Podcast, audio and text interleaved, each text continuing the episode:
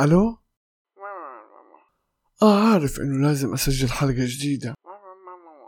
شو اللي مأخرني؟ بصراحة مالي نفس. مش جاي عبالي أعمل أي إشي. المستمعين بيستنوا حلقات برمضان. ما هو هذه المشكلة. في رمضان. ورمضان الواحد بيكون فيه كسلان وتعبان. مش رح تعطيني الراتب. لا لا استنى استنى. شو المدير الرخم هاد؟ أوه هو أنتم هنا. بصراحة ما انتبهت إلكم. آسف إني خليتكم تسمعوا هذا النقاش الحاد. بس زي ما تعرفوا مرات بيجي الإنسان فترة ما بيكون بده يعمل حاجة. بس بده يضل نايم أو ما يعمل أي حاجة هو كان بحبها كتير. هذا ما يسمى فقدان الشغف يا عزيزي المستمع. وهذا رح يكون موضوع حلقتنا لليوم. فجهزوا كوباية الشاي. كوبايتي هيها معي. بسم الله. ويلا نبدأ.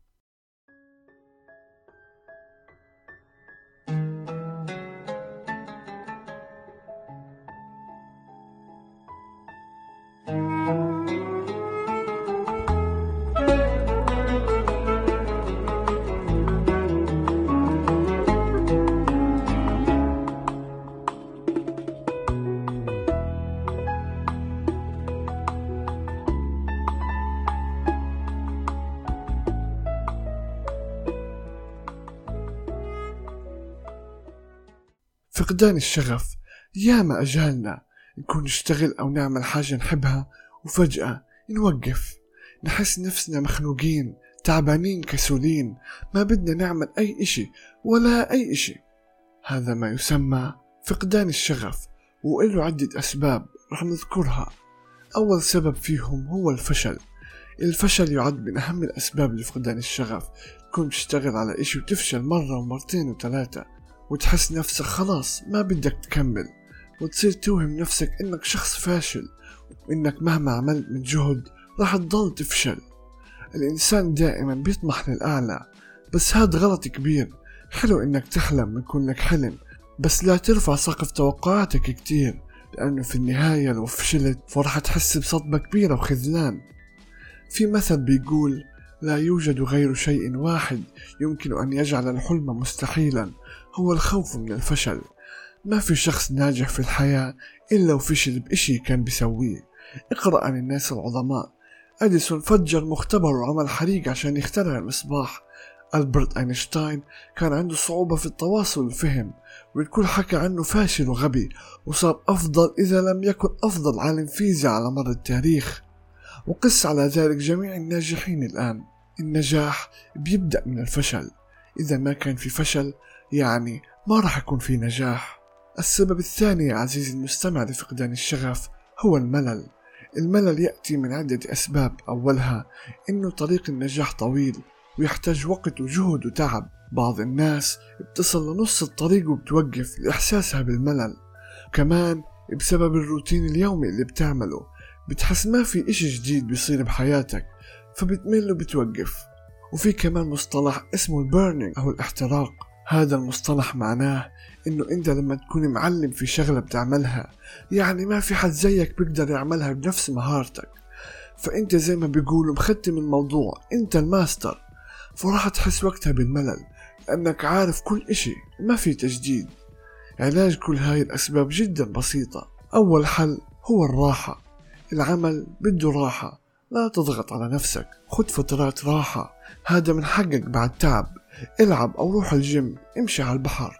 سوي الأشياء اللي تبسطك. لأنك تستحق تكافئ نفسك بعد عمل شاق. جرب أشياء جديدة. مش غلط تعمل إشي خارج الروتين. إشي تجدد فيه طاقتك وحيويتك. أخرج من منطقة الراحة وجرب أشياء ما عمرك جربتها. الموضوع هاد راح يفتح مخك وراح ترجع لعملك أنشط وأحسن وأكثر صحة.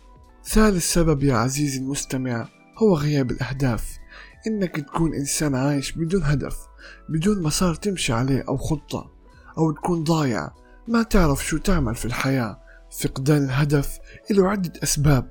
أولها التشتت وعدم التركيز بإشي واحد. ثانيا مقارن نفسك بالآخرين. تقول هذا وصل وفلان شوف كيف صار وإنت قاعد مكانك ما بتعمل إشي. فكر. وشوف كيف هذا الشخص وصل وحقق هدفه. خلي من وصول الناس دافع إنك تثابر هم مش أحسن منك ولا أقل منك. هم بس عرفوا شو خطتهم وهدفهم وساووا عشان يصلوه. وإنت كمان بتقدر بل راح تكون أحسن منهم. إنت أقعد مع نفسك فكر. شوف شو حلمك شو أهدافك للمستقبل.